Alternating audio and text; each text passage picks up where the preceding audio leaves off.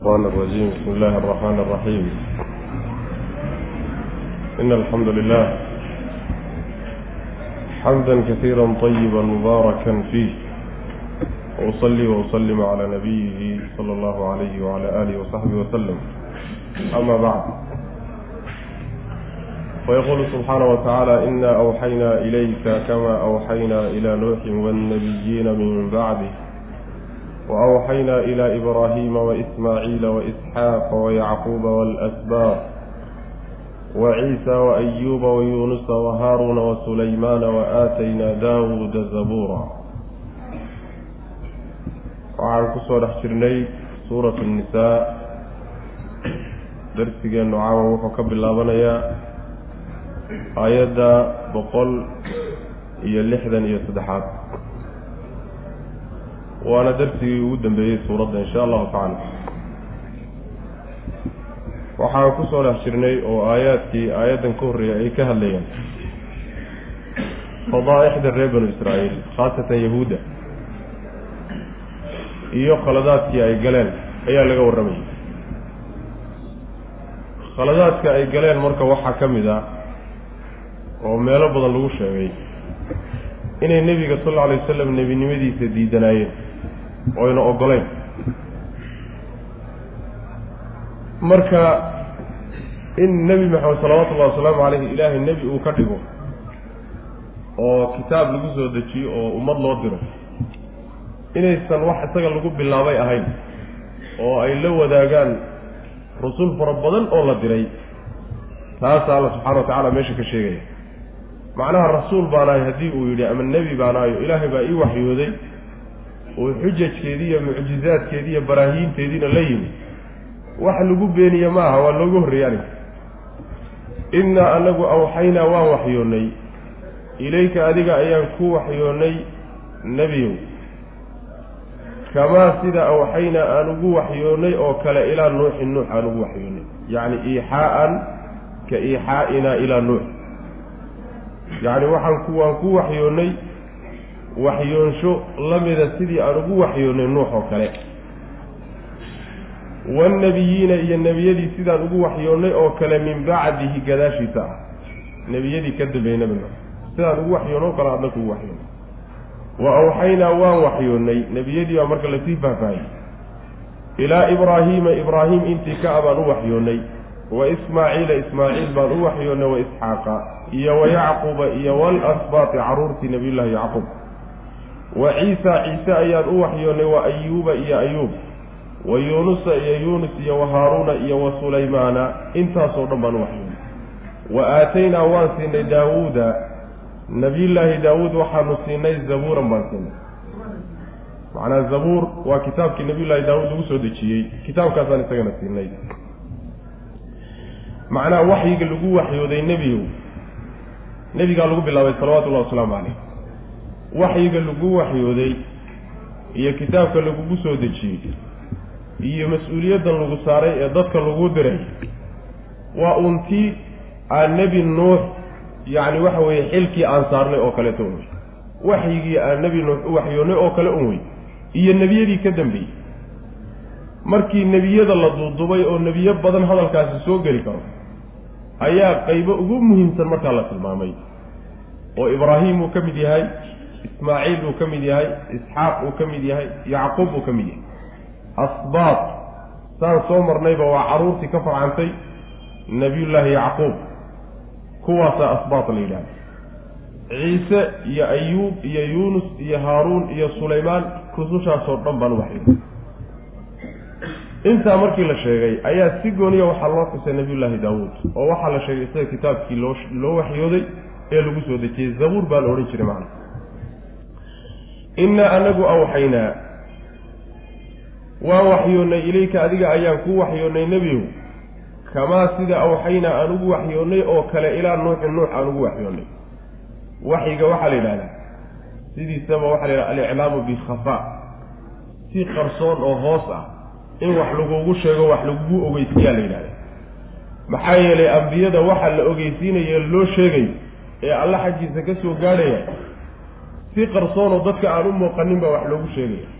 Nebiga marka loo waxyoonayo salawatullahi wasalaamu calayh dadkoo la fadhiya in ay dareemaan un isbeddel nebiga ku dhacay mooyaane laakiin waxyiga markaa degayahay wax iyaga u muuqda ma ah marka aliclaamu bikhafaa baa la yidhahdaa. Si qarsoodiya in macnaha wax lagu ogeysiyo lagugu sheego. Waan ku waxyoonnay marka adigaan ku waxyoonnay kamaa awxaynaa saan ugu waxyoonnay oo kaleta ilaa nuuxin. Nuux saan ugu waxyoonno o kaleeto iyo wannebiyiina nebiyadii min bacdihi gadaashiisa ah. Wa awxaynaa waan u waxyoonnay ilaa ibraahiima. Yacni nebiyada marka la sheegay kuwan dambe ee la sheegi doono nebiyada unba wannebiyiinay gudagelayaane oo nebi nuux bay ka wada dambeeyeene. Maxay maxnaha faa'iideynaysaa wa awxaynaa ilaa ibraahiima wa ismaaciila in magacyahooda la tiri. Maa lagu kaaftoomo wannebiyiina min bacdi halkaasay bay soo wada gudagelayaan waxaa si gooni iyo wa sulaymaana rusushaasoo dhan baan u waxyoonay wa aataynaa waan siinay daawuudda nebi daawuudna.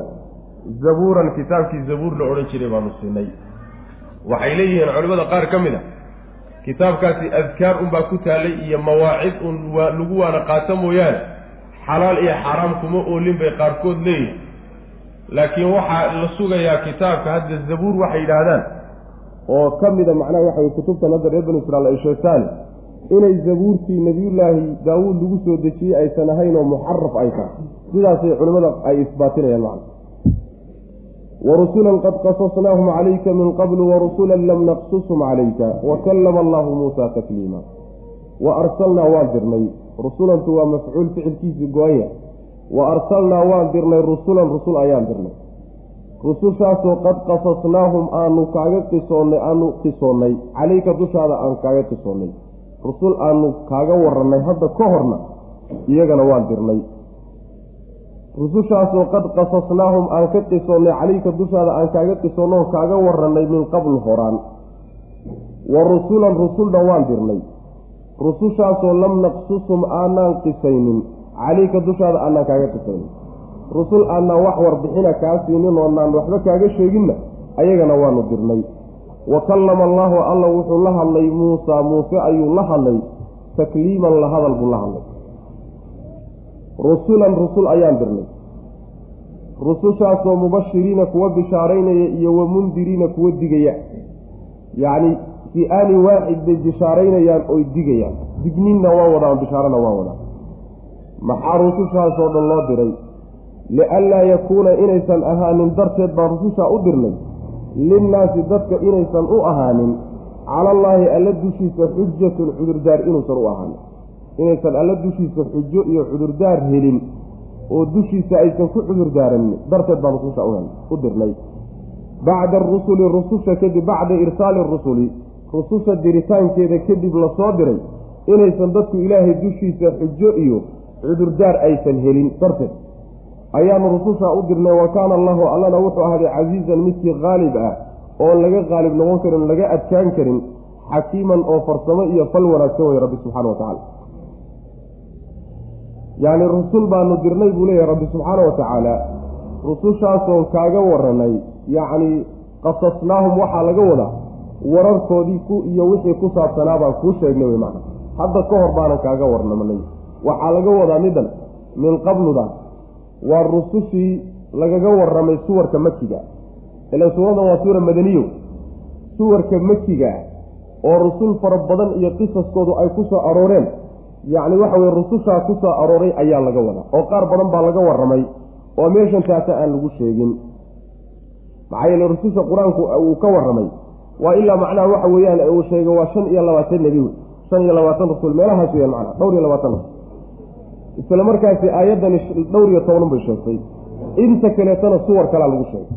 Marka kuwaana horay baanu kaaga qisoonno wararkooda kuu siinay yacni wixii loo sii dhiibay ummadahoodii markay u tugan iyo wixii dhex maray ciribtu waxay ku dambeysay iyo caaqibadu warar faahfaahsan baanu horay kaaga siinay wey macnaha.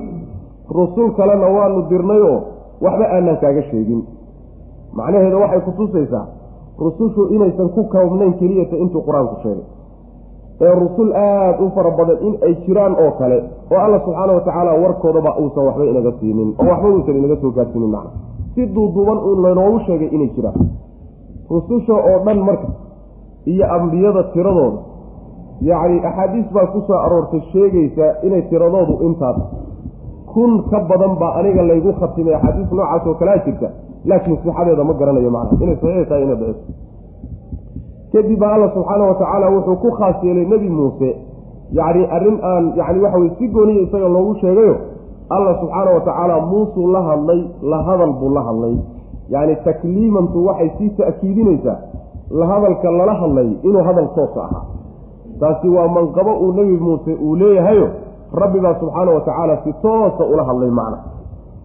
Sidaas weya yacni waa inagii soo marnay hadalka alla subxaana wa tacaala uu kula hadlay isdhaafsadeen nebiyullaahi muusa iyo alla subxaana wa tacaala markii buurta ay tageen iyo markii qowmkiisii macnaha qolyihii la joogay saaxiqadu ay ku dhacday iyo markii uu yidhi ilaahayow naftaada itus oo aan ku arko yacni waxa weye rabbina subxaana wa tacaala uu u jawaabayay si toosaa loo wada hadlayay macna. Nabigeenna salawaatullahi wasalaamu caleyh sidoo kaleeto isagana si toosuu rabbi ula hadlay subxaana wa tacaala isagana macnaha kelimu oo isagana waxaa lala hadlay oo toos loola hadlay markii alla subxaana wa tacaala leylatulmicraaj markii nebiga la qaaday oo sabawaadka korkooda la geeyey halkaana salaada lagu soo waajibiyey jibriilna uu meeshaasi socod socodkaa isaga uu kula saaxiibay. Halkaas markuu salaada soo qaadanay si toosaa nebiga salawatullahi wasalaamu caleyh loo guddoonsiiyey. Markuu alla subxaana wa tacaala iyo nebi muuse dhexdooda ku noqnoqonayey oo uu salaada konton bay ahayde ilaa shan laga dhigayey salaadood laga dhigayey uu ku noqnoqonayey oo dhan nebiga iyo alla looma dhexaynin subxana wa tacala toos buu ula hadlay macna. Taasina macnaha waxa weye waa manqaba nabigeenuna salawatullahi wasalaamu caleyh uu la wadaago weeye. Wa rusulan wa arsalnaa waan dirnay rusulan rusul ayaan dirnay. Kadib baa waxaa la sheegay rususha iyada yacni mas'uulxilka ay xambaarsan yihiin waxa weeye in ay dadka mabaadi'da ay wadaan ay qalbiga ka geliyaan oo ay dhacsiiyaan. Taasi waxa weye xil loo soo dhibay maaha inay tawfiiqda iyagu ma wataan oo qalbiga wax ma gelin karaan. Laakiin waxay xambaarsan yihiin in ay dadka digniin siiyaan. War cadaab allah soo socda. Oo dadka cusaada iyo gaalada iyo mubtadicada iyo qolyaha si ay u digaan. Qolyaha kaleeto ee macnaha wan wanaagsanna inay u bishaareeyaano janno iyo wanaag iyo rido rabbi ay ugu bishaareeyaan. Xilka saaran ee loo soo dhiibayo midkaa isaga aweye maxaa loo soo diray rususha marka ilaahay addoommada muu si toosa mid walba ula hadlo. Maxaa looga baahan yahay rusushan la soo diray? Waxaa looga baahan yahay waxa weye oo alla u soo diraya subxaana wa tacaala. Wuxuu doonayaa addoommadiisu berrita markay u tagaan oo uu la xisaabtamayo inaysan wax cudurdaara helin. Waxay ku cudurdaartaan in ay waayaan baa la doonaya. Si aysan u odhanin yacni waxa weeyaan ilaahu haddaad rasuul noo soo diri lahayd waanu rumayn lahayn. Ee xaggaaga ayaa macnaha waxa weeyaan xumaanta nagu dhacday adigaa xaggaaga cidi nooga imaanin oo fariidna soo gaadhay ma jirto. Sidaa daraaddeed gar waxaan u leenahay inaadan na ciqaabin oo aadan nala xisaabtamin wax naga soo kaagaadhayba ma jirto. Cudurdaarkaasi si aysan berrito ugu marmarsoonin marmarsoodka ayaa loo goynayaa macna.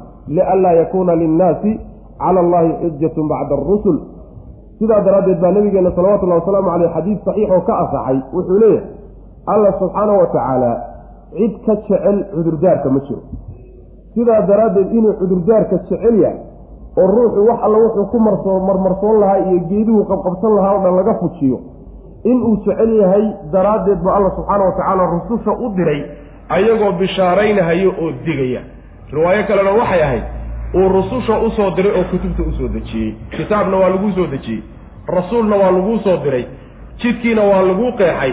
Kadib berrita markaad tagto halkanay ka dhacday iyo waxba ima soo gaadhin iyo kuma marmarsoon karaysid macna halkaasi macnaha waxa weeye waxaa laguu jaray wax walbao qabsan lahayd. Saasaa alla rususha u soo diray subxana wa tacala waxaa laga fahmayaa haddayna rususha ciddii ayna rusuli soo gaadhin oo rusul la soo diray aan xujadoodii iyo kutubtay la timidba aan maqal.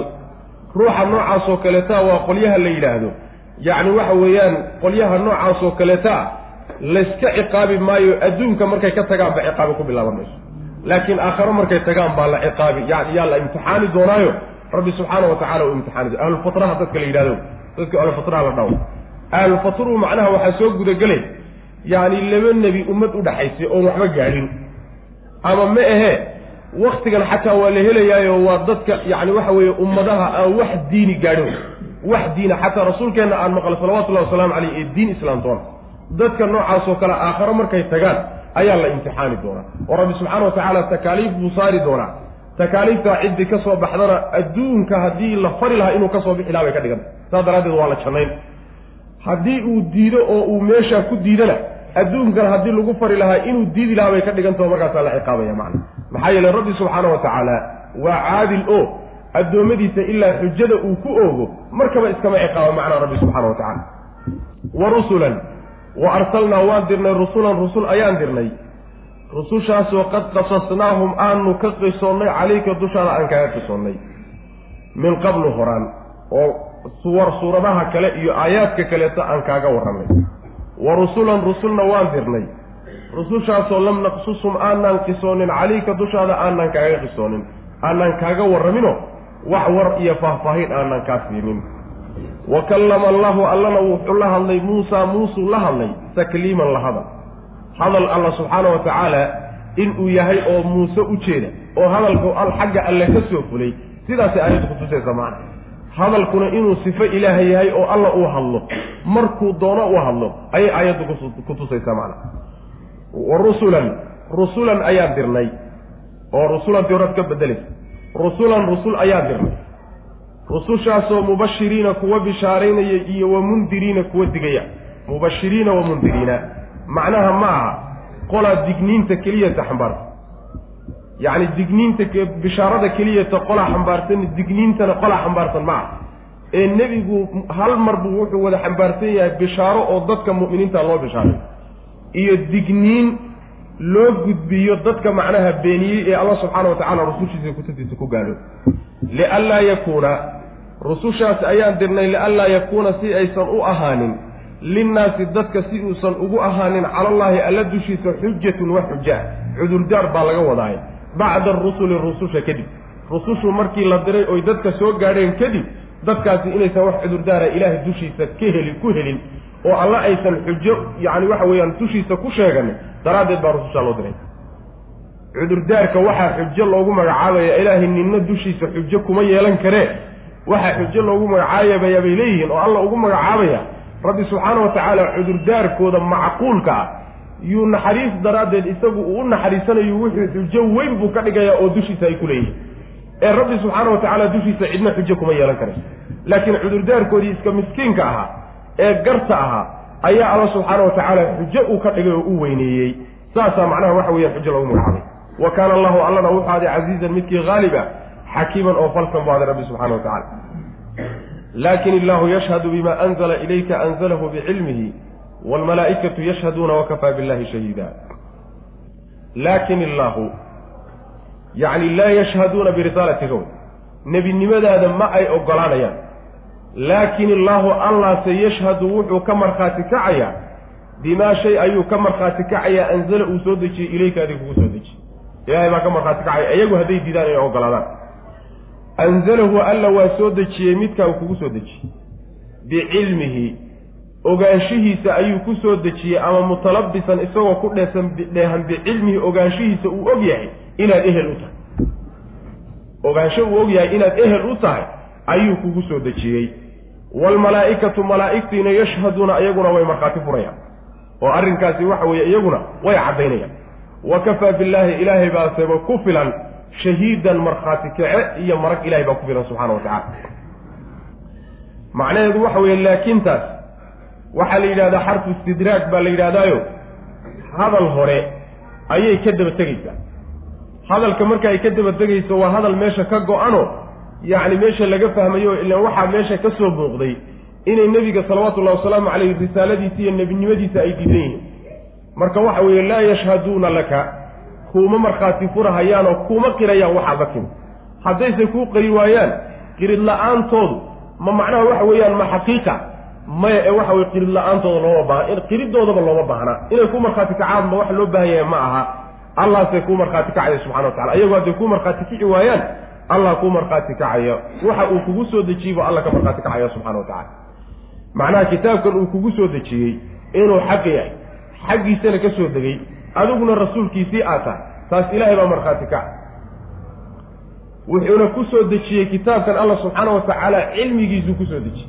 Ogaansho uu og yahay in aad ehel u tahay kitaabkan in lagugu soo dejiyuu ku soo dejiyey alla subxaana wa tacaala ama waxaad tidhahdaa anzalahu bicilmihi wuxuu ku soo dejiyey alla subxaana wa tacaala kitaabkan bicilmihi fii cilmihi cilmigiisii dhexdiisa ayuu alla ku soo dejiyey oo cilmigiisii baa kitaabka ku yaallay. Cilmigii alla subxaana wa tacaala yacni waxa weye xaggiisa ka soo fulay ayaa kitaabkan ku yaallay. Oo cilmigaasi muxuu yahay? Waxa ilaahay raalli gelinaya iyo waxa uu necab yahay. Wax xalaasha iyo waxa xaaraamta ah. Ilaahay subxaana wa tacaala sifaadkiisa ayaa ku yaallay. Waxa macluumaadka haybkee maqan ayaa kitaabkan ilahi subxana wa tacala ku qoray. Bicilmihi marka bimacluumaatihi iyadana waa la odhan karaa macna oo kitaabkan uu alla soo dejiyey asagoo macluumaadkii alla so iyo cilmigii uu u baahnaa addoommadiisa inuu ogeysiiyo ay ku dhex yaallaan macna. Taana waa la dhihi karaa. Ama ogaansho uu og yahay inaad ehel u tahay buu ku soo dejiyey kitaabka. Taasina macnaa waa tafsiir kale. Labadaba waa la mari karaya waxaa kaleetoo ka markhaati kacaya kitaabkan kadaata uu kugu soo dejiyey iyo rasuulnimadaada malaa'igtuna way ka markhaati kacaysa. Ilaahay baana ku filan subxaana wa tacaala markhaati ku filan. Waxani ma xaq baa mise waa baatil xaqnimadiisa cid ka markhaati kacdaa allah ugu weyn subxaana wa tacaala. Meeluu ilaahay ka markhaati kacayna niman meeshan oo macnaha waxa weeyaan gaalo ah wax alla waxa looga baahan yahay markhaati furkooda maba jiraba weligiinba la maqnada. Maxaad macnaha waxa weye markhaati fur la'aantiinu waxay tari baaban jirinba macna. Waxay macnaha dhibi ayaan jirin haddaad markhaati furtaanna waxba macnaha tari mayso. Sidaasaa lagu leey laakin illahu allah sayashhadu wuxuu ka markhaati kacaya oo marag furaya oo caddaynaya bimaa shayga anzala uu soo dejiyey ilayka adig kugu soo dejiyey yacni waxa uu kugu soo dejiyey isaga inuu ka soo fulay xaqna yahay adiguna rasuulkiisii aad tahay taasuu ilahay ka markhaati kacaya anzalahu alla waa soo dejiyey. Qaabkii marka lagu soo dejiyey bay jumladani caddaynaysa. Anzalahu alla waa soo dejiyey. Kaa uu kugu soo dejiyey bicilmihi cilmigiisuu ku soo dejiyey iyo ogaanshihiisa uu og yahay inaad ehel u tahay ama ma ahe anzalahu alla waa soo dejiyey midkaa uu kugu soo dejiyey bicilmihi fiihi cilmuhu ay macluumaatu. Cilmigiisii alla uu addoommadiisa inuu baro uu doonayo oo uu gaadhsiiyo isagoo kitaabkani uu ku yaallo alla soo dejiyey subxana wa tacala kitaabkan isagoo macnaha dhexdiisa ay ku taalo waalmalaa'ikatu malaa'igtiina yashhaduuna kuwa ka markhaati kacayo wey. Wa kafaa billaahi ilaahay baana ku filan shahiidan markhaati kace. Cid markhaati kacdana oo arrinkaagaa kuu qirtana ilahay baa subxaana wa tacaala ku filan ina aladiina kafaruu wasaduu can sabiili illahi qad dalluu dalaalan baciida ina aladiina kuwa kafaruu gaaloobay oo wasaduu leexiyey annaasa dadka can sabiili illahi jidka ilahay ka leexiyey qad dalluu way lumeen kuwaasi dalaalan lumid baciidan oo fog yacni lumid waxay lumeen xaqa aada uga fog ina aladiina kuwa kafaruu gaaloobay oo wadalamuu dulmiyey iyaga cid aan hayn naftoodana dulmiyey lam yakun illaahu alla mu uusan ahanin liyakfira mid u dhaafaya lahum iyaga mid u dembi dhaafaya maa hadday gaalnimadaa ku dhintaan. Walaa liyahdiyahum mid hanuuninayana mu uusan ahanin iyagaa dariiqan mid jid ku hanuunaya muusan ahanin ilaa dariiqa jahannamo jahannamo jidkeeda mooyaane. Khaalidiina xaalay ku waarayaan fiiha jahannamo dhexeeda abaddan weligoodba. Wa kaana wuxuuna ahaaday daalika arrinkaas inuusan ilaahay waxba ka aqbalin oo dembigooda uusan dhaafin. Jahannamo jidkeedana uu ku hanuuniyaa arrinkaasi wuxuu ahaaday cala allaahi alla dushiisa yasiiran midkii ku fudud buu ahaaday. Ilahay waa u saaran tahay subxana wa tacala macnaha waa qolyahankadaas waa qolyaha hogaamiyeyaasha ama diin waxa ku hogaamiyeenoo culimo ha ahaadeen ama macnaha siyaasad waxa ku hogaamiyeenoo mujtamaca dadkii yacni waxa weeye dowladda u maamulaya ha noqdeen qolyahaasi iyagu gaaloobay oo gaalnimada doortay haddana dadkii u horseeday oo dadkii intay xaqa ka jeediyeen xumaantoodii u horseedoo halkaa dadka ku jeediyey kuwaasi lumid waxay lumeen aada xaqa uga durugsan maxaa yeele gaalnimo iyo jahli iyo dulumaad iyo mugdigaasay ku dhex lumeen.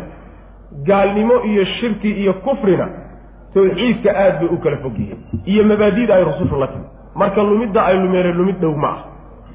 Qolada gaalowday haddana dulmiday dulmigaasi waxaa laga wadaa naftooda way dulmiyeen. Ko oo shirkigan iyo gaalnimadan laga keri waayey naftooda unbay gardaraysteen oo dhib iyo inkaar u soo jiideen iyo ciqaab.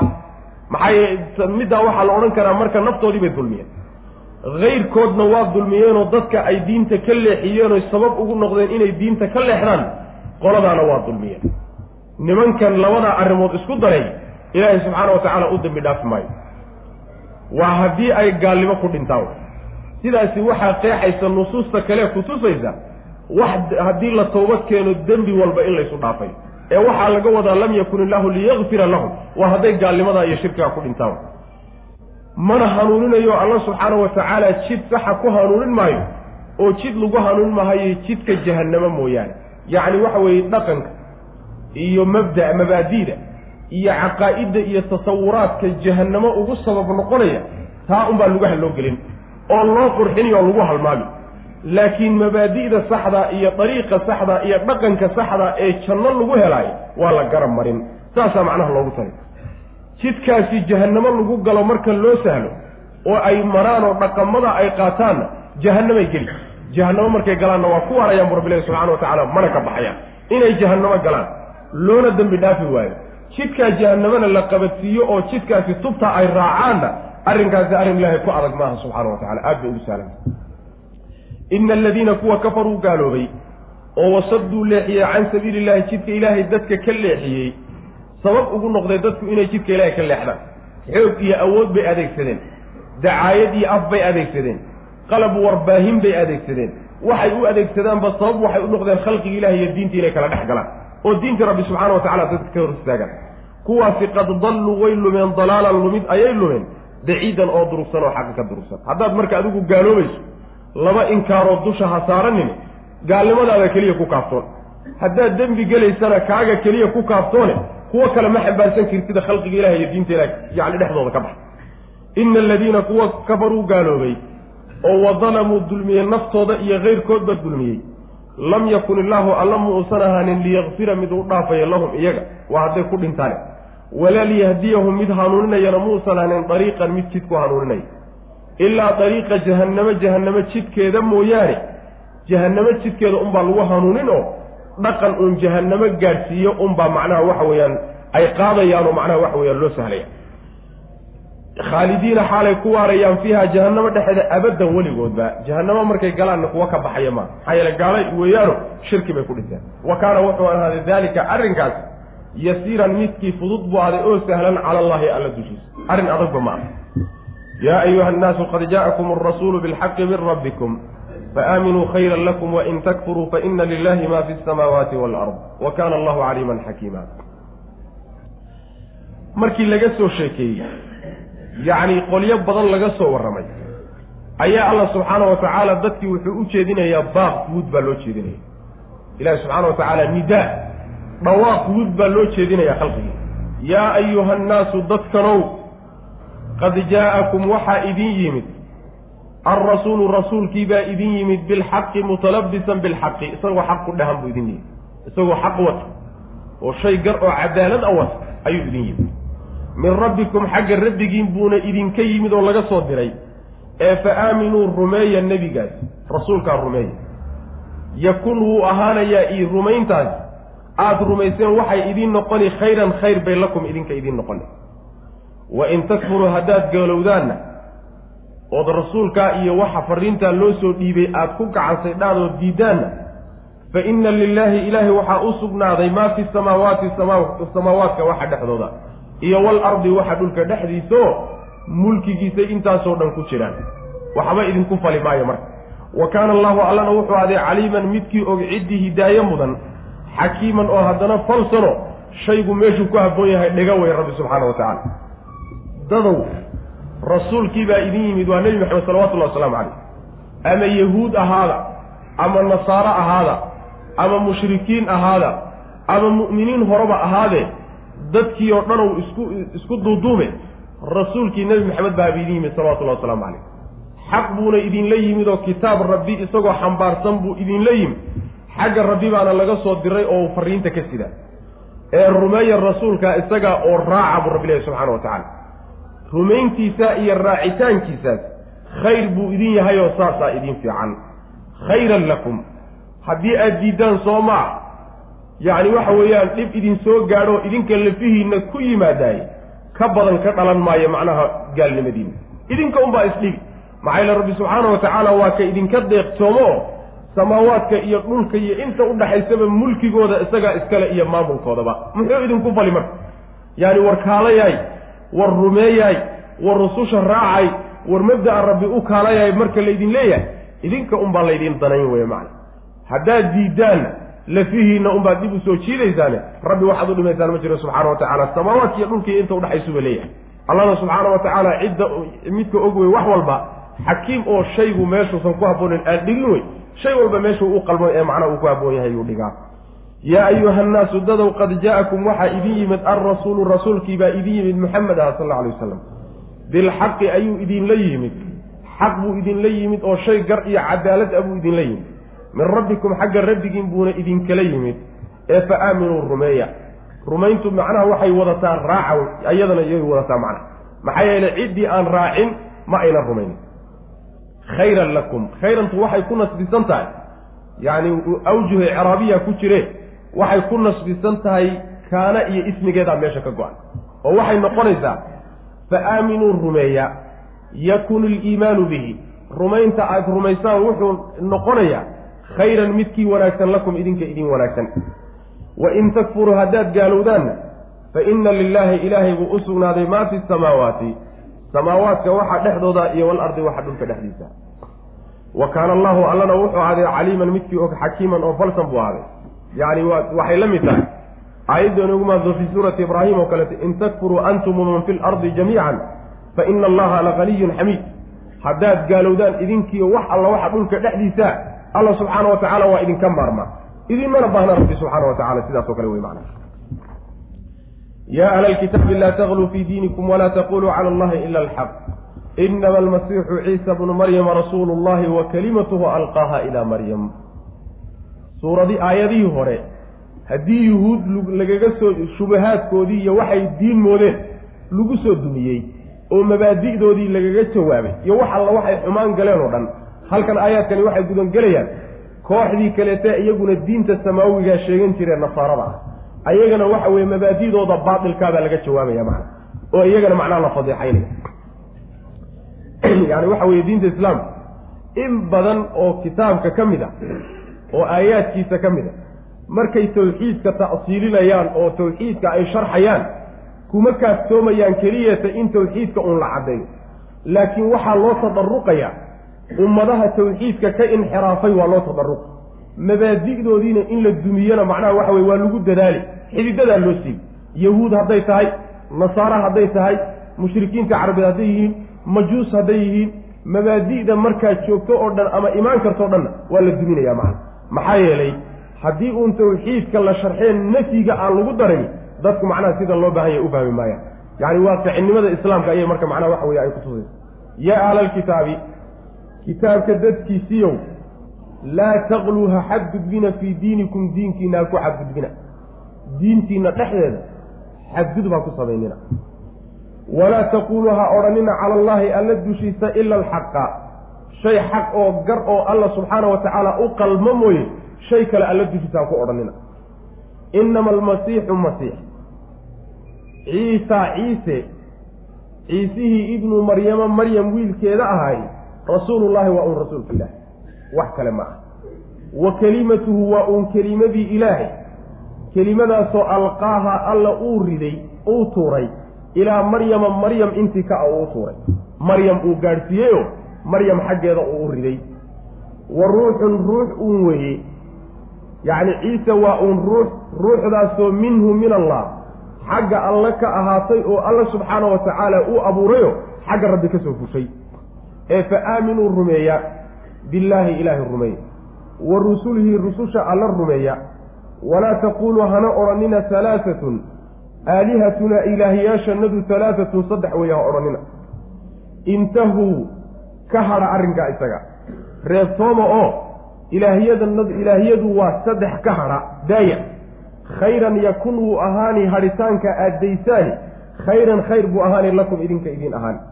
Inama allaahu alle ilaahun waa macbuud waaxidun oo keliyate mid labeeya ma jire subxaanahu nasahnaantiisa wuxuu ka nasahan yahay an yakuuna min an yakuuna inuu ahaado. Lahu isaga waladun ilmo inuu u ahaado. Wuxuu alle ka nasahanyay oo ka hufan yahay inuu ilmo yeesho. Lahu alla waxaa u sugnaaday maa fi samaawaati waxa dhulka wax samaawaadka waxa dhexdooda iyo wamaa fi lardi waxa dhulka dhexdiisa. Ilaahay baa abuuray oo abuurkoodanoo mulkigiisay ku jiraanoo addoommay u wada yihiin ciisena aada ilaahnimada ku wadaanna wuxuu un ka mid yahay dhulkiiyo samaawaadka inta dhex joogtay uu leeyahay buu ka mid yahay. Wa kafaa billaahi ilaahay baana ku filan wakiilan. Mid wakiil laga dhigto hawl loo dhiibto oo macnaha waxa weeye la tala saartana ilaahay baa ku filan subxaana wa tacaala. Cid kaleetana uma baahna oo macnaha waxa weye garab qabato o arrinkaa ku garab qabato. Yacni waa nasaaradii waxaa lagu yidhi diinkiina ku xadgudbina. Laa tagluu fii diinikum aayad kale waa ino waa inoo laa tagluu fii diinikum hayra alxaqi baa lagu yidhi. Aayad kale yacni haga xadgudbina diintiina waxaan gar ahayn oon xaq ahayn diintiina xadgudub ha ku samaynina xadgudubka waxaa la yidhahdaa huluwiga waxaa la yidhahdaa shayga oo xaddi iyo seerihii sharcigu u jeexay la dhaafiyo ayaa la yidhahdaa.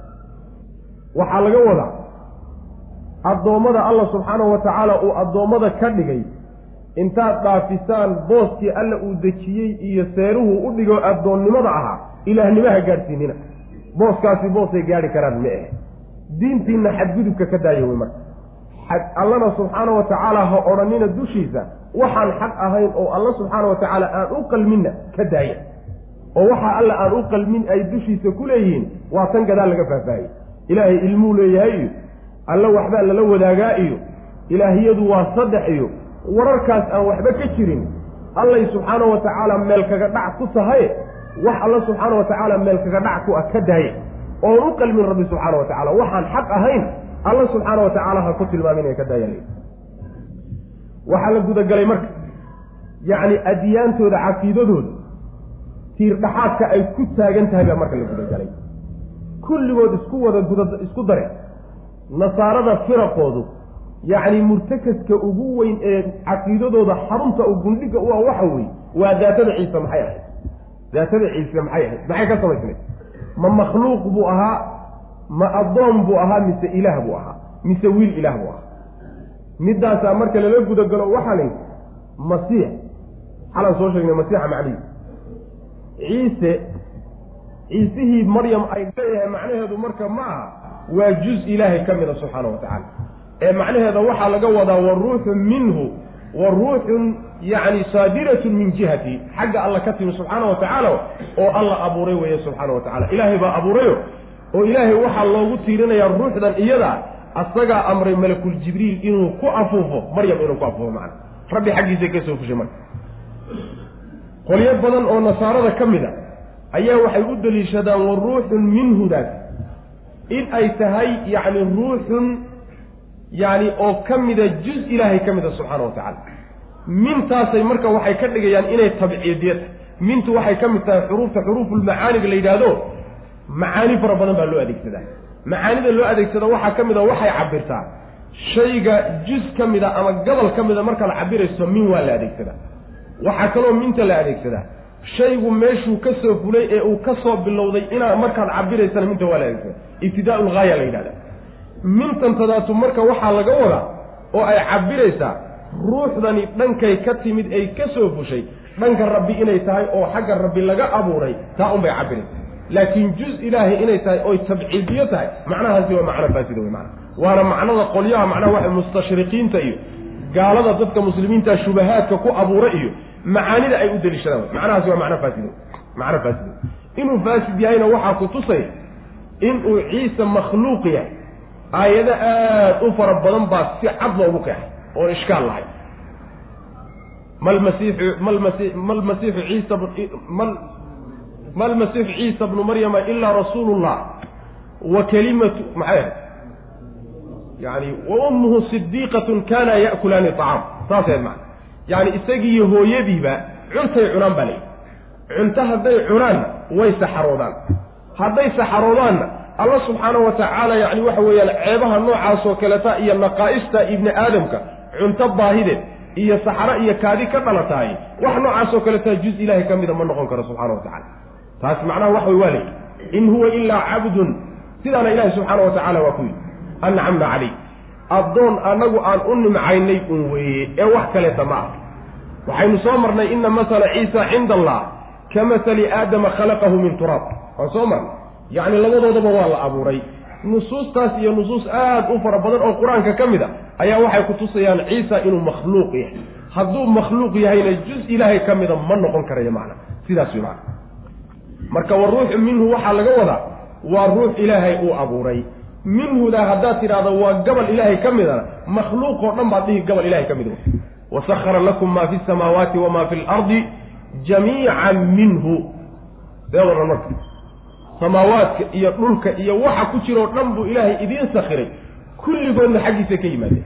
Minhu haddii aad tidhaahdo mintan tabciidiyo wey makhluuqoo dhan waa juz ilaahay ka mid haddaad tidhahdo minhudaasa ibtidaau lgaaya laga wadaana tanna ibtidaau lgaaya laga wadaa sidaasaa loo baahanya in loo fahmo shubahaadka iyo dulduleelada ay kaa soo geli karaan nimanka mustashriqiinta la yidhahdo nin waaqidi la yidhahdo culimada islaamka ka mid ayaa waxaa la yidhi haaruun rashiid waagiisii dowladda islaamka ayaa waxaa la dooday nin nasraani. Ah haaruun rashiid baa marka la jooga wuxuu ku yidhi ciisahan aad diidantihiin inuu gabal ilaahay ka mida ya qayb ka mida yahay. Qur'aankiina xataa sheegaya inuu qayb ka mida yahay. Maxay tahay? Aayaddan marka akriyay kii nasraaniga ah. Wa kelimatuhu alqaaha ilaa maryama wa ruuxun minhu.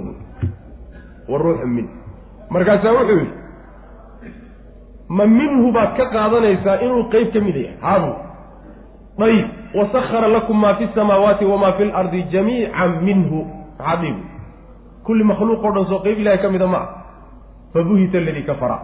Wuxuu sheeguu marka garan waayo. Waa aamus marka waxa weeyaan meelaha ay kaa soo geli karaan mutashaabihaat markaan soo maraynay yani fii awali suurati ali cimraan faama aladiina fii quluubihim zaygun fayattabicuuna maa tashaabaha minhu ibtigaaa alfitna. Waa meelahan oo kale wey haddii marka muxkamka aan loo celinin ilaan muxkamku waa aayaadka caddaynaya ciise inuu addoon ilaahay si cad u caddaynaya tanna mutashaabih baa la odhan karaayo dadka qaarkii inay iska dheh gashaan laga yaaba. Muxkamkaa marka dib loogu celinaya oo nas ah oon ixtimaal yar geli karin inuu addoon ilaahay. Sidaas way macana wa ruuxun minhu waa man ruux xagga alla ka soo bushay oo alla uu abuuray subxaana wa tacaala rumeeya alla subxaana wa tacaala iyo rusushiisa rumeeya ha odhanina halaatatun ha odhanina baa lagu yidhi. Halaatatun ha odhanina. Macnaha waxa wey ilaahiyadu waa halaat saasay qabaan oo halaatadu waxa weeye waa allaha weyn iyo ciise iyo hooyadii. Hooyadii maryam juz ilaah ka mida inay tahay bay dawaa'ifta nasaarada qayb ka mida rumaysayen oo qaybta saddexaad ciise waa la isla ogoliy allana waa isla ogoliy qaybta saddexaad ma maryam baa mise waa ruuxulqudus qolaba waxbay sheegaan maryam in ay tahay buu qur'aanku sheegaya qaybta saddexaaday u rumaysan yihiin ilaaha saddexaaday rumaysan yihiin. Waxayna u imaan doontaa fi aakhiri suurati almaa-ida. Id qaala allahu ya ciisa ya ciisa bna maryama a anta qulta linnaasi itakhiduunii wa ummiya ilaahan min duuni illah ma adaa ku yidhi dadka anig iyo hooyada ilaah naga dhig marka inay maryam oo ciise hooyadii ah ay ilaah ka dhigan jireenna taasa aayaddaasa cadday saddexda ilaah marka waa ciise iyo hooyadii maryam iyo allaha weyn subxaana wa tacala saddexdaa ilaah bay rumaysay. Yacni waxa weeyaan waa googaalays taqriiban. Googaalays waxaan la fahmi karin wey hadal aan la fahmi karin wey waxay ku leeyihiin alla waa saddex. Haddana fii nafsi lwaqti waxa weeyaan waa hal mid. Bal adigu tiradaa fahm tiro marna saddexa marna hal ama la fahmi kara. Wax la fahmi kara ma. Saddexdooduba waa simaye waa isla hal ilaah. Haddana saddex ilaah bay keliyihin mabda'a isagaa oo tasliifka la yidhaahdo dawaa'ifta ugu xoog badan hadda firaqa nasaarada ayaa qaba. Nimankan kaatoliigka la yidhahdoy qolyo fara badan baa qaba macnaha. Fikraddaasina waxay xoogeysatay qarnigii afraad marka laga joogo nebi maxamed salawatullhi wasalaam hijradiisii qarnigii afraad ayaa la xoojiyey oo nin qusdudiin la odhan jiray oo madax ka ahaa dowladdii waagaa jirtay ayaa intuu mabaadi'dii kaleeto iyo firaqii kaleeto iyo mabaadiday rumaysnaayeen kulli tirtiray. Ayuu mabda'a tasliidka wuxuu ka dhigay caqiidada dowladdu ay leedahay. Mabda'u dawla ayuu ka dhigay. Firaqii kaleeto ee rumaysnaa waxaa jira firaq rumaysnaa ciise inuu addoon ilaahay rasuul ilahay inuu yahy oo nasaarada ka mid ila al-aanna waa jira laakiin waa mudahadiino waa qolyo macnaha waxa weeyaan maarka la ibdahaadow afkaartaasoo dhan marka intuu tirtiray buu wuxuu xoojiyey madhabkii odhanayay alla subxaana wa tacaala waa saddexo ciise waa qeyb ilaah ka mid ah. Waxaa kaleeto iyadana ka mid ah afkaartooda inay yidhahdaan ciise waa ilmo ilaah. Waxaasoo dhan baa laleeyahy warwarkaasi war suurtagala meehe waa huluwi aad diintiinii ku samaysayna ka joojiye baa laleeyahy ka daaya ciise a wiil ilaahayna ma noqon karo. Ilaahna ma uu noqon kare waa addoon ilaah baa lagu leeyay saasaa la ka hadha arrinkaa isagaa saasaa idin fiican eh oo tawxiidka iyo caqiidada qaata alla subxaana wa tacaala waa un hal ilaah. Saddex ilaah wax la yidhahdana wax la fahmi kara maba ahba. Alla wuxuu ka hufan yahay oo ka nasahan yahay inuu ilmo yeesho. Waa fikraddii kale wey. Fikra waxay lahayd. Ciise waa qeyb ilaah ka mid fikrana waxay lahayd ciise waa ilmo ilaah. Labadii fikradood meeshaa lagu radiyey. Allah subxaana wa tacaala samaawaadki iyo dhulkii inta udhaxaysu iyo macnaha waxa waxa dhexdooda a buu leeyahay. Yaani addoommay u wadayiin ciisahan aada leedihiin waa wiil ilaah. Iyo qeyb alla ka mida wey. Iyo maryamtan aada leedihiin allay ka mid tahayna waxay alla qeyb ka mida wey ay leedihiinna waxay soo hoosgelaysaa samaawaadki iyo dhulka inta ku dhex nool. Kulligoodna waa wada makhluuqe. Yacni khaaliq ma aha allahna subxaana wa tacala waxba lama wadaaga. Allah ku filan subxaana wa tacaala ciddii wakiil wakiil ahaan ilahay baa ku filan oo addoommadiisa ku filan. Cid kale inuu kaalmaystana rabbi uma baahna subxana wa tacala guluwigaa marka nasaaradu ay ku dhaceen qolyo badan baa ku dhacay. Nabigeenuna waa ka tegey salawatullahi wasalaamu calayh laa tatrunii kama atarat innasaara ciisa bna maryama. Inamaa ana cabdullah inamaa ana cabdun faquluu cabdullahi warasuuluhu saasuu nabigu yuri salawatullah waslamu caleyh nimankii reer banu israa'iil ee nasaaro ahaa siday nebi ciise ugu xadgudbeen oy u dhaafiyeen meeshii ilaahay uu dhigay oo addoonnimadii intay dhaafiyeen ilaahnimo u gaadhsiiyeen anigana haygu xadgudbina buu nabigu uri salawatullahi waslamu caleyh waxaad uun tidhaahdaan haddaad i ammaani rabtaan ood i sheegi rabtaan addoonkii ilaahay dhah. Anigu addoon ilaahay iyo rasuulkiisii un baan ahay. Intaa ha ka badabadinina buu nabigu lehy salawatullahi waslamu caleyh ma ujeeda rasuulullahi ma lii man aluudu bihi siwaaka cinda xuduudi alxaadisi alcimami. Xaggeed geyni marka rasuulkii wuxuu noqday mid balaayada loola cararo oo mashaakisha loo geysto oo dalabaadka loo geysto oo wixii ilaahay uu gooniyaha subxaana wa tacaala loola cararo. Midkaasuu noqday war ka daaya haddii la yidhahdana rasuulkii baa la diiday oo rasuulkii baa la liiday oo rasuulkii baa wax loo geystay oo rasuulkii baa la xaqiray baa saasuu nabigu lehy salawatullahi wasalaamu caleyh mansiladayda ha ay dhaafinina waxna ilaahay bay u gooni tahay waxna rasuulka xuquuqa ay leeyihiin weeye. Cid walba xaqay leedahay mariya laakiin waxa weeyaan yayna waraaqu isleekin darmani wey macana yaa ahla alkitaabi kitaabka dadkiisiiow laa tagluu ha xadgudbina fii diinikum diintiina ha ku xadgudbina walaa taquluu hana odhanina cala allaahi alla dushiisa ila alxaqa xaq mooyaane xaq mooye wax ka macnaha waxa weeye haddaad alla wax ku sheegaysaan wax xaqa ha noqoto oo isaga idinka soo gaadhay oo rusushiisu idin soo gaadhay maxaa yele ilahi subxaana wa tacaala wax xaqa u ah ee uu jecel yahay ee lagu tilmaami karo isaga unbaa garan innagu waxba kama garan karno waa cilmulgeyb waxa uu jecel yahay rabbi iyo wuxuu neceb yahay no rususha unbay inaga soo gaari kartaa iyo kutub iyo kutubta alla subxana wa tacala wixii alla lagu tilmaamaya marka wax xaqa ha noqdeen oo kutubta rabbi subxana wa tacala iyo rususheedaad ka qaadateen inama almasiixu masiix ciisa ciise ka bedel.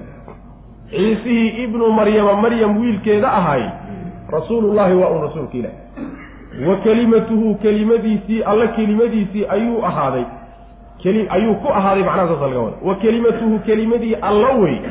Kelimadaasoo alqaaha alla uu riday ilaa maryama uu u riday. Waxaa la isugu idaafaynaya oo kelimada alla uu isugu idaafayn ama ruuxda uu isugu idaafayni ma aha inay gobol alla ka mida tahay. Macnaha tashriif baa idaafa tashriifiya la yidhahda shayga markuu ilaahay inuu sharfo uu doonayo yaani wuu isu idaafeeya naaqat allaahi oo kaleeto. Iyo yacni beytii oo kaleeto dahir beytii litaa'ifiin beytka idaafada ilaahay isu idaafaynaya maaha inuu gobol ka mida yahay idaafa tashriifiya wey waa lagu sharfaya. Naaqada hashantadaatuna maaha inay gobol ilaahay ka mid mida tahay laakiin waa lagu sharfayaa saas macnaha waxa weye idaafada noocaas oo kale wey wa kelimatuhu kelimadii alle ayuu ahaaday. Yacni ayuu ku ahaaday baa laga wadaa oo uu ka dhashay. Ka yimid. Kelimadaasoo alqaaha uu riday alle ilaa maryama maryam intii kaa uu gaadhsiiyey oo malakul jibriil loo sii dhiibay. Yacni kelimatu kum buu ku ahaaday oo addoommada intooda kale soo kelimatu kum kum kuma ahaaday. Maxaa isaga wa kelimatu loola daba taagay? Wa sadaqat bikelimaati rabbiha maxaa loolay oo macnaha isaga kelima looga cabiraya waxaa looga cabiraya addoommada kale oo dhan kelimatu kun baa lagu abuuray. Laakiin biwaasitati alab saasay ku yimaadeen. Kun alla markuu yidhi asbaabta addoommada uu ay ku imaan jireen oo aabba inay soo maraan oo ay meeshaasi mini ka timaado oo meeshaasi ka urgalo ka uurgalo sidaasay ku yimaadaan laakiin isagu toos ayaa uurka hooye loo geliyey oo macnaha wax way loogu abuuray. Yacni waxa weeye khasiisada iyada ah ayaa macnaha waxa weye meesha ku jirta oo isaga si gooniya kelimada loogu idaafeynaya wa ilaa addoommada kaleo dhan keli kulligood yani kelimadaasa laftooda lagu abuuray. Wa ruuxun ruuxun keliyata wey ruuxdaasoo minhu xagga alle ka timid oo alla uu soo diray oo macnaha waxa weye xaggasan rabbi ka soo fushay ee fa aaminuu rumeeya billaahi alla rumeey wa rusulihi rususha alla rumeeya walaa taquluu ha odhanina halaaatun waa khabar mubtadihiisu go'aya aalihatunaa ilaahyaashanadu halaatatun saddex way ha odhanina warkaasi war la garan kara meehe intahuu war reebtooma oo arrinkaa isaga ka had ilaahiya waa saddex taa iyada aad joojiya khayran yakun wuu ahaanayaa hadhitaankaasi iyo dayntaasi khayran khayr bay lakum idinka idiin noqon. Inama allaahu alle ilaahun waa un macbuud waaxidun oo keligii ah. Wax labeeyana ma jiro laa ciisa walaa maryam walaa cid kaloo labaysa ma jiro subxaanahu nasahanaantiisa alla ayuu nasahan yahay. An yakuuna min an yakuuna inuu ahaado buu ka nasahan yahay lahu alla inuu u ahaado. Waladun ilmo inuu u ahaado.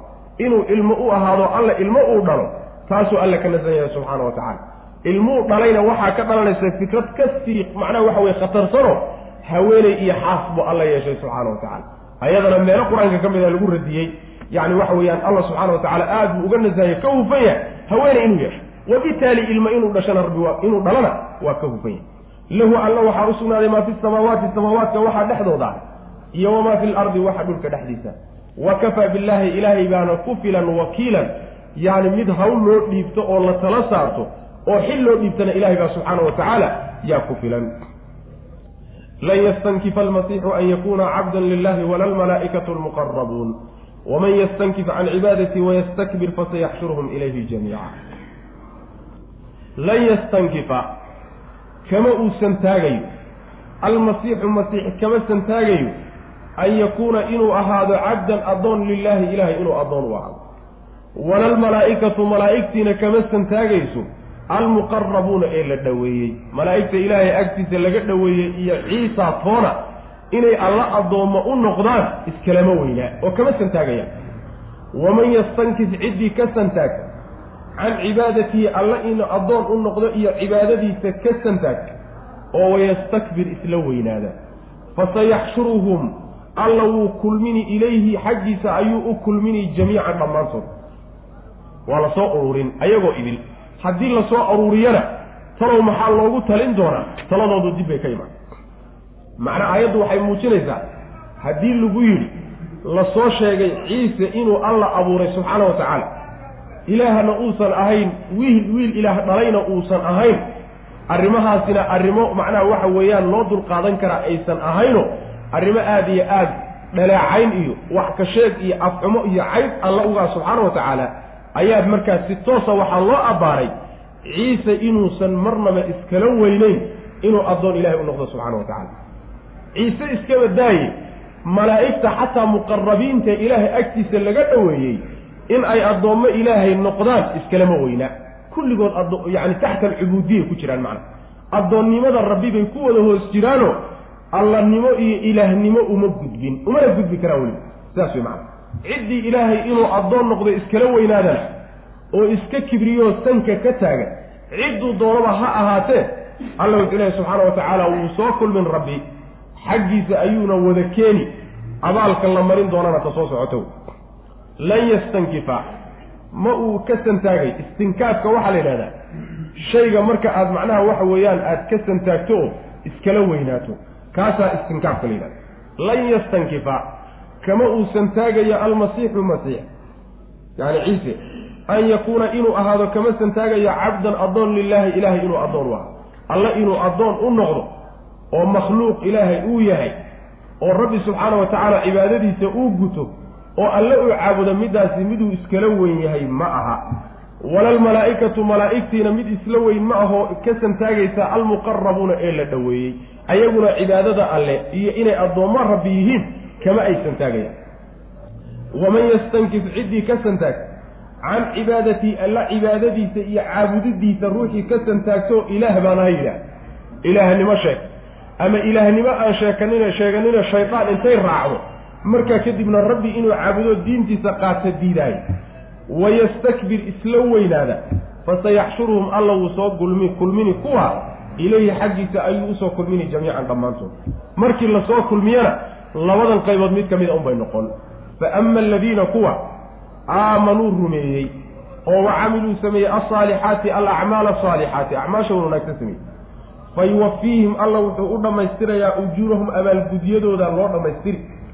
Wayaziiduhum wuuna u ziyaadini min fadlihi dheeraadkiisa ayuu u ziyaadin xaggiisa ayuu wax uga kordhin. Yacni dheeraad aynan la imaaninna oo dulsaarana alla wuu siina subxaana wa tacala wa ama aladiina halkaasi qolo wey wa ama aladiina kuwa istankafuu isla weynaaday istankafuu santaagay oo wastakbaruu isla weynaaday. Fa yucadibuhum alla wuu cadaabi kuwaas cadaaban cadaab buu cadaabi aliiman oo xanuun badan. Walaa yajiduuna mana ay helayaan lahum iyaga min duuni illaahi alla sokadiisa weliyan mid arrintooda tawalliyo oo macnaha xigaal u noqdo wax u qabta walaa nasiiran gargaaro ka qabta cadaabka allana ma ay helayaan. Saasuu alla leeyahy subxana wa tacaala haddii kulli addoommadii la wada keeno malaa'igtii ciise in alla intii makhluuq ahaa oo dhan marka laysu wada keeno laba midunbay noqon. Inay dad iimaan lahoo saalixiina ay ahaayeen oo rabbi diintiisa ku dhaqma qolyahaasi abaalgudkooda buuxaa la siin.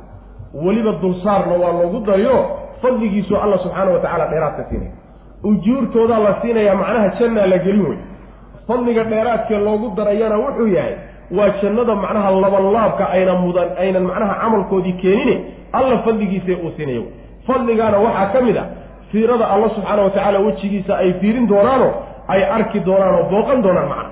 Taasi waxay ka mid tahay yacni fadliga ugu weynee dadka mu'miniinta dheeraadka la siin doonaa. Qolo waa qoladaas. Qolada labaadii waa kuwa macnaha santaagay oo isla weynaaday oo soo loocsami waayeyo lagu kari waayo cibaadada rabbi subxaana wa tacaala ama ilaahnimo ha sheegto ama isagoo addoonnimoba sheeganaya hala kari waaye. Qolyaha noocaas oo kalea cadaab xanuun badan baan cadaabi alla leeyahy subxaana wa tacaala. Mana ay helayaan alla cadaabkiisa iyo ciqaabtiisa cid uga gargaarta ma ay helayaan. Cid wax u qabatana ma ay heli doonaan macana sidaas way marka khalqigu kulli isku wada duuduube labadaa abaal mid un baa la sugaya.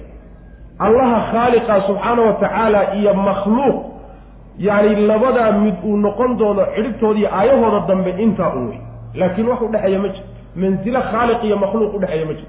Inta kalena waa makhluuq allahna waa khaaliqa wada abuuray wey macana fa ama aladiina kuwa aamanuu rumeeyey oo wa camiluu sameeyey alsaalixaati acmaasha wan wanaagsan fa yuwafiihim alla midkii u dhammaystiraya weeye ujuurahum abaalgudyadoodu u dhammaystiraya abaalkoodoo buuxoosi wayaziiduhum wuxuu u ziyaadinaya oo u kordhinayaa min fadlihi dheeraadkiisa iyo macnaha waxa weye naxariistiisa ballaadhanna waxbuu uga kordhin oo dheeraad buu siinaya macnaha wa ama aladiina kuwa istankafuu santaagay oo wastakbaruu isla weynaaday fa yucadibuhum alla wuu cadaabi kuwaasi cadaaban cadaab buu cadaabi cadaabkaasoo aliiman xanuun badan. Istinkaafka waxaa ka mid a siduu nebigu sheegay salawatullahi wasalaamu calayh waa un kibirkaa laga wadaa.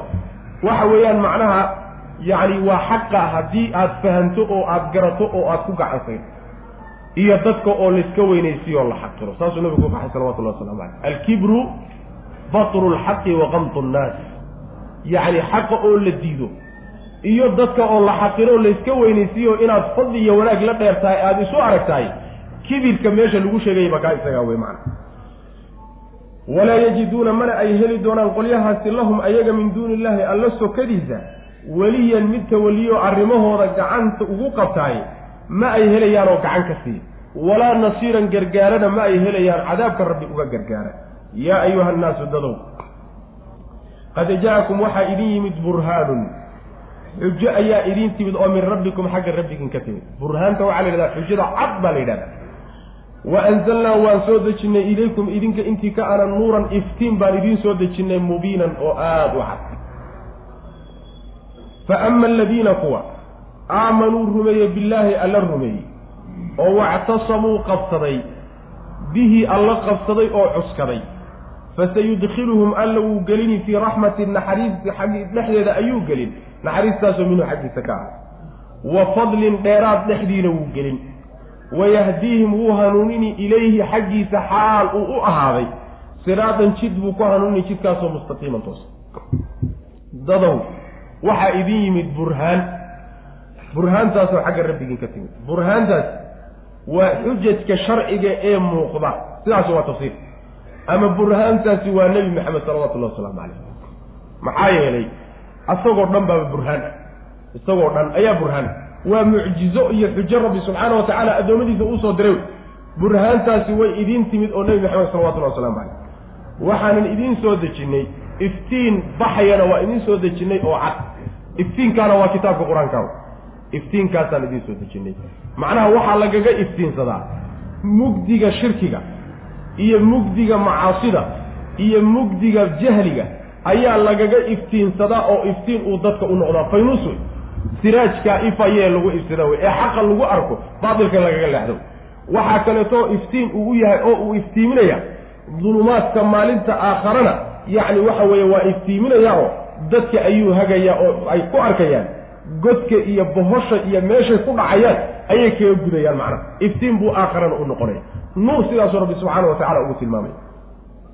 Qolyaha marka alla rumeeyey qabsadayna oo cuskaday alla subxaana wa tacaala oo diinkiisaana ku dhaqmay iyo nuurka uu soo dejiyey burhaantaana oo rasuulkiisaana raacay. Kuwaasi janno naxariis dhexdeed buu alla gelin oo xaggiisa ka ahay naxariistaasi waa jannada fadli dheeraadana wuu dhex gelini. Waa tii hadda kale aan soo sheegnayo waa inuu alla istuso addoommadiisu ay arkaan. Iyo inuu macnaha waxa weeyaan abaalgud dheeraadoo dulsaara uu siiyo wuxuu ku hanuuninayaa alla subxaana wa tacaala si toosan oo xaggiisa ku hogaamiye oo xagga alla ay u qaadaan iyo jannadiisana alla uu ku hanuuniy subxana wa tacala jidkaasi waa islaamnimadu. Ihdina siraada almustaqiim markaan soo marinay wa ana hada siraatii mustaqiiman fattabicuuhu iyo sina u imaan doonta iyo siraadka mustaqiimka waxa wey waa diinta islaamka yacni waa mabda'a islaamka iyo ku dhaqankiisa waa siraad mustaqiima jidkaasina xagga alle ayuu aadaa oo rabbi ayuu kuu geynayaa siduu kuu sii wado naxariistiisii iyo jannadiisii baad ku aroori jidkaasaad u sii haysa macna. Sidaa daraaddeed baa ilayhi loo yidhiyo xagga rabbi buu ku wadaya yaa ayuha annaasu dadow qad jaa-akum waxaa idin yimid burhaanun. Xujadii xujo muuqata ayaa idin timid oo min rabbikum xagga rabbigiin idinka timid waa nebi maxamed salawatullahi wasalaamu caleyh wa anzalnaa waan soo dejinnay ilaykum idinka intikacana nuuran iftiin baan idiin soo dejinnay mubiinan oo cad baan idiin soo dejinnay oo kitaabka qur'aanka ah fa ama aladiina kuwa aamanuu rumeeyey billaahi alla rumeeyey oo wactasamuu qabsaday oo cuskaday bihi alle oo tala saartay ama wactasamuu qabsaday oo ku dhegay bihi nuurkii isaga ahaa ku dhego qur'aanku ku camalfalay fasayudkiluhum alla wuu gelini qolyahaas fii raxmati naxariis dhexdeed wuu gelin naxariistaasoo minhu xaggiisa ka ah wa fadlin dheeraadna wuu dhex gelini iyo fadli oo xaggiisa ka ahada isagu wayahdiihim alla wuu ku hanuunini ilayhi xaggiisa xaal uu u kaxaynayo. Siraadan jid ayuu ku hanuunaya jidkaasoo mustaqiiman toosan. Yacni ilayhidu waa jaariya majruura waxay xaal ka tahay. Siraadkay xaal ka tahay. Yastaftuunaka qul illaahu yuftiikum fi lkalaala in imru'un halaka laysa lahu waladun walahu uktun walahu ukhtun falaha nisfu maa taraka wa huwa yarisuha in lam yakun laha walad. Yastaftuunaka way ku weydiinayaan nebiyow fi lkalaalati fii macnaha waxa weye amri lkalaala kalaalada xukumkeeda iyo mas'alada kalaalada ayay wax kaa weydiinayaan qul waxaa tidhahdaa allaahu alle ayaa yuftiikum. Allah idiin jawaabaya oo idin caddaynaya. Qul illaahu alle ayaa yuftiikum idiin fatwoonaya sidaa ku dhow idiin caddaynaya fi lkalaalati kalaalada arrinkeeda ilaahay baa idiin caddaynaya. In imru'un kalaaladii waa in imru'un haddii ruux in halaka haddii uu dhinto imru'un ruux halaka uu dhinto laysa lahu isagoo laysa ruuxaasoo laysa uusan u sugnaanin lahu isaga waladun carruur aysan u sugnaanin. Walahu walxaal lahu isaga ay u sugnaatay ukhtun gabadh walaalana uu leeyahay. Falahaa gabadhaa waxaa u sugnaaday nisfu maa taraka. Ruuxaa dhintay waxa uu ka tegay niskeed bay leedahay. Wa huwa isaguna yarisuhaa midkii dhaxlaya weeye in lam yakun haddii uusan u ahaanin lahaa iyada waladun haddaysan carruur ka tegi lahayn hadduu isagu ka dambayn lahaa oo iyadu ka hor dhiman lahay hase yeeshee aynan carruur ka tegi lahaynna isagu u dhaxli lahay. Fa in kaanataa haddii labadii walaalaha ahaa isnatayni ay laba gabdhoodood noqdaan falahumaa labadaa gabdhood waxaa u sugnaaday asulusaani saddex gabal markii xoolaha loo qabiyo laba gabal oo isla socday leey mimaa taraka oo wuxuu tegay ka tegey ka mid. Mimaa taraka wuxuu ka tegey meydku ayay ku leeyihiin wa in kaanuu walaalihii hadday yihiin ikhwatan ama wain kaanuu warasadii dhaxalka laha hadday yihiin ikhwatan walaalo. Rijaalan rag iyo wa nisaa'an haween ah rag iyo haween isugu jira. Falidakari midka lab waxaa u sugnaaday mithlu xadi lunsayayni laba dhadi laba dhadig ah dheeftoodoo kalu leeyay laba haween ah dheeftay isku qaataan ayuu isagu leeyahay macnaa laba haween ah dheeftay qaataan ayuu isagu leeyahay. Yubayinu llahu alla wuu caddayni lakum idinka ayuu idiin caddaynayaa axkaamta iyo arrimaha ayuu idiin faahfaahin. An tadiluu lianlaa tadiluu si aydan u lumin oo aydan jidka uga habaabin. Wallaahu allana bikulli shayin wax walba caliimun kii ogsoon waya alla subxana wa tacala aayaddan suuradda lagu gebagabeeyey waxaa la yidhahdaa aayatlkalaala la yidhahda aayatu sayfna waa loo yaqaana labadaa macnaha waxa weye magacba way leedahay. Waxay ku soo degtay. Jaabir bnu cabdillaahi xadiiduu warinaya wuxuu leeyahy anoo xanuunsanaya ayaa nebiga u imid salawaatullahi wasalaamu caleyh nebigaa i yimid oo isoo booqday.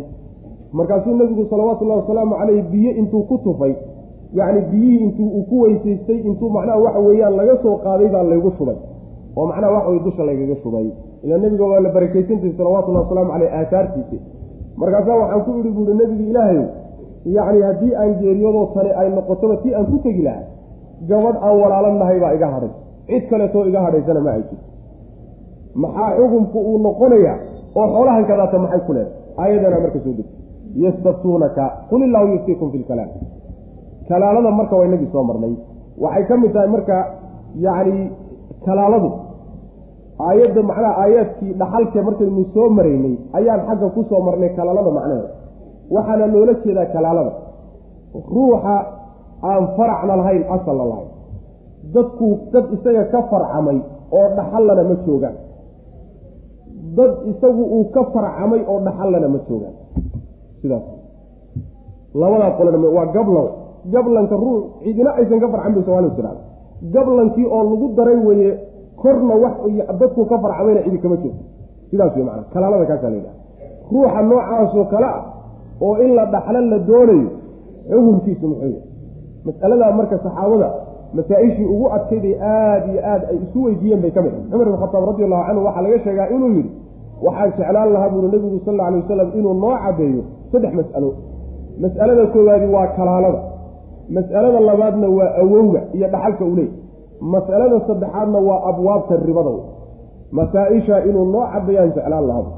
Laakiin markii mas'alada macnaha loo laabto kalaalada iyo masaashisha cumar uu sheegay nusuusta ku soo aroortay marka la ururiyaay aad bay u caddaanayaan macna ma aha inaysan caddayn kalaaladu marka middaas aayaddu marka waxay raacsan tahay.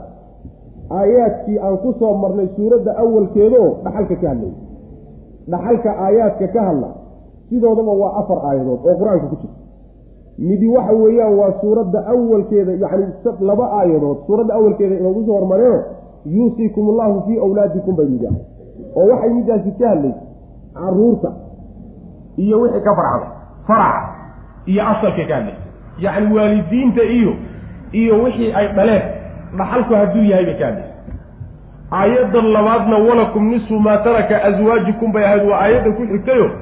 Ayaduna waxay ka hadlaysay yacni dadka isqaba haweeneyda iyo ninkeediibay ka hadlaysay isla aayaddaa waxaa lagu sheegay dadka macnaha waxa weye aayaddaasaa lagu sheegay. Aayadda saddexaad ee ka hadashay labaad ee dhaxal saddexaad ee ka dhaxashay dhaxal ka hadashay waxa weeye waa suuratu nisa lagu khatimay. Yastaftuunaka qul illahu yuftik waxay iyaduna ka hadlaysaa walaalihii meydka dhintay ayay iyaduna ku saabsan tahayo walaalahani waa walaalihii ama meydka xagga hooyihi xagga aabba kala walaalo ah ama xagga aabba bese kala walaalo ah laakiin walaalihii xagga hooye keliya ahaa kuwaasi waxay ku soo hormareen walakum nisu maa taraka aswaajikum sidaas wey macana walaalahani marka waa xagga aabbiya xagga hooyo ama xagga aabba keliya markay yihiin. Waa aayaddan iyaduna macna. Hadday yar yihiin iyo hadday badan yihiin iyo hadday rag yihiin iyo hadday haween yihiinba aayaddana ka aayadda kalaadi kaleeto waxa weeye afraynaysahay aayadda inoogu imaan doonto insha allahu tacala fi aakhiri suurati alanfaal wa ulul arxaami bacduhum awlaa bibacdin fi kitaab illah yani halkaas inoogu imaan doonto oo iyaduna waxay ka hadlaysaa dadka arxaamta la yidhahdo dadka arxaamta ah ee aan dhaxalka lahayn laakiin dhaxalsiintooda laysku khilaafsan yahay sida saxiixa aysa tahay haddii la waayo dad ka sokeeya wax dhaxlaa inay dhaxal leeyihiin ayay iyaduna ka hadlaysaa macana aayaadkaasaa marka waxa weeyaan ayay suuraddu ayay aayaddeenani ka mid tahay. Marka waxa weeye waxay ku weydiinayaan baale nebiyow yacni kalaalada ayay ku warsanayaan. Ruux yacni kalaaladii baa la sii caddeeye waxaa la yidhi ruux baa dhintay in imru'un halaka. Hadduu ruuxii dhintayna wax carruura kamuusa tegin saa un bay tiri aayaddu. Waxaa kaleeto iyadana meesha ku jirto aayaddu aysan sheegin waa inuusan waalidna ka tegin. Khaasatan aabba waa inuusan ka tegin. Iyo awow ruux saasi haddii uu dhinto walaal gabadh walaalana uu ka tago ay walaala yihiin. Ama xagga aabbiya xagga hooyay ka walaala yihiin ama xagga aabba basay ka walaala yihiin waa hal gabadha. Gabadh ay walaala yihiin basaa meesha joogto gabadhaa iyadaa wax raggana lama joogo. Gabdho kaloo ay walaala yihiinna meesha ma joogaan. Ayada unbaa waxay walaala yihiin joogtaa oo macnaha xagga aabbiya xagga hooye ama xagga aabba bas gabadhaasi xoolaha halsad laba meelood marka loo qaybiyo meel ka mida sii. Meesha soo hadhay soo maha rag ninka ugu xiga ayaa la siinaya adeerkii in adeeradii ilaa akhiri rag ninka ugu soo xiga ayaa marka waxa weye hadhaaga niskaa kaleeta qaadanaya macana halkaasi waxa weeyaan yacni waa hadday hal walaalad dayib. Dabagedi marka masaladii seed u dabagedini walaashii baa dhimatay. Ayadii baa macnaha waxa weeyaan nacash nacash nacashka saarano asagii baa hadda nool. Asaga laftiisu hadday sidaas dhacdo oo iyadu ayna wax carruuroy dhashayna ka tegin. Waalidna ayna ka tegin kalaala iyada lafteeda la yidhaahdaaye asaguna walaashii wey uu dhaxlaya oo muxuu ku dhaxlayaa isaga lama sheegin waxa uu qaadanaya marka macnaheedu xoolahoo dhan buu wada qaadan way macana yaani isaga lama odhan nis iyo thulud yuu qaadanaya. Wuxuu wax ku dhaxlayana waa casabanimo nin ka xigaan jira nin ka xiga uga sokeeyo ma jiro. Nin uga sokeeya hadduusan jirinna famaa baqiya faliwlaa rajulin dakari isagaa marka isku duuduubanaya. Saasay noqonaysa ayib haddii marka rag macnaha ay soo hadhaan oo gabal walaala ay dhimato iyaduna sidaas wey haddii hal nin uu yahay isagaa xoolaha wada qaadan. Hadday niman kale ay yihiin macnaha waxa weye badanna xoolaha way qaybsanayaan. Sidaasay macnaha noqonaysa. Hadday wiilal walaala xagga hooyiya xagga aabbaba ay joogaan kuwa xagga aabba besana ay joogaan kuwa xagga aabba besa waxba meesha uma yaallaan. Waxba meesha uma yaallaan. Kuwa xagga aabbiya xagga hooye keliya abaa dhaxalka iskale kuwa xagga aabba keliyatana waxba ma dhexlayaan maana sidaas maana ayib gabdhihii baa marka batay laba gabdhood baa meesha jooga oo meydka ay walaala yihiin. Maxay noqonaysaa? Waxay noqonaysaa xoolihii baa loo kordhino saddex meelood xoolaha intaad u qaybisa laba meelood isugu dar. Meesha ka midana rag ninka ugu sokeeya ee isugu xigaan meydkan meesha yaalla sii. Saasay noqonaysa ka imo. Meeshii haween keliya hadday noqdaan laga soo hadan hadday rag keliya noqdaanna laga soo hadan hadday rag iyo haween isku jira oo meydka la walaala a meesha yimaadaan maxaa loogu talin? Waxaa loogu talin iyadana lidakari milu xaddi luntayn yacni waxa weeye waxaad wax ugu qaybisaa wax u qaybi. Wixii rag ah u sin. Haween hadday meesha joogaanna ninka waxaad siisaa laba sad. Yacni haweenayda yacni waxa weye laba gabdhood wixii ay qaadan lahaayeen ninkasi masalan waxa weeye waa hal gabadh ah iyo macnaha waxa waxaan odhan lahaa hal wiil iyo laba gabdhood. Xoolaha waxaa loo qaybinaya afar meelood baa loo qaybay laba meelood isagaa la siinayaa laba meeloodna labadoodana mid mid loo kala siin.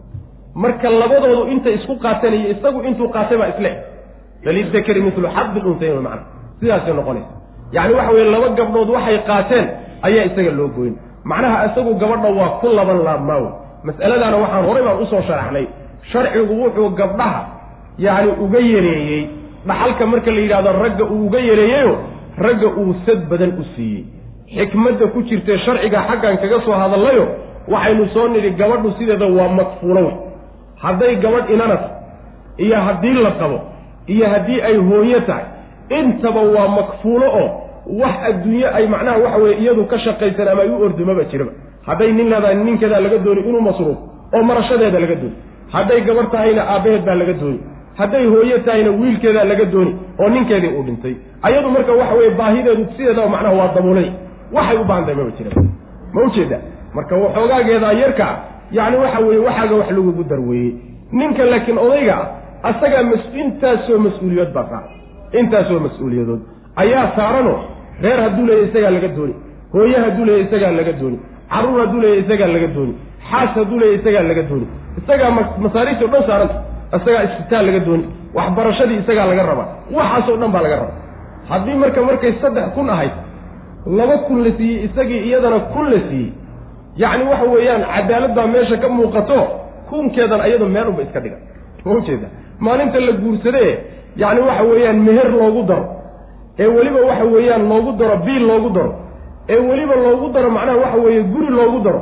Ee weliba masruuf loogu daro maalinkaa unbay ku sugi. Waxay u baahantahay ilaan ma jire laakiin isaga waxa weeye maalinkaaba ama biil baa laga sugaya. Ama ma ahee yacni waxa weeye xataa hadduu reer aabihii oo hani a ku hoos nool yahay waxbaasu hawl weyn baa u taala waxaa la sugayaa inuu reer dhiso. Maalinta ugu horreysa reerka uu guursadaba ama gabaati baa looga qaadan ama yarad baa looga qaadan maxaa meesha ku soo hadhay marka.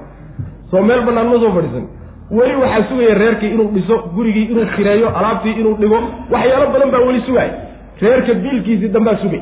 Ma arkaysa marka mustashriqiinta iyo nimanka gaalada ah haweenkii waa la dulmiyey markay meeshan inaleeyihiin annagana aan dhegta ku ridanayno xikmadda sharciga ku jirta maynaa fahmin sidaas wey macana laakiin ayaga marka la fiiriya dhaqamadooda haddii iyaga dhaqankooda hadda maanta ay ku dhaqmaan haweenka ay odhan lahayn lidakari mitla xadil untayayni dulmi bay ahaan lahay maxaa yeelay haweenkuna ayagaa ordada oo naftooda u ordoo shaqaysta.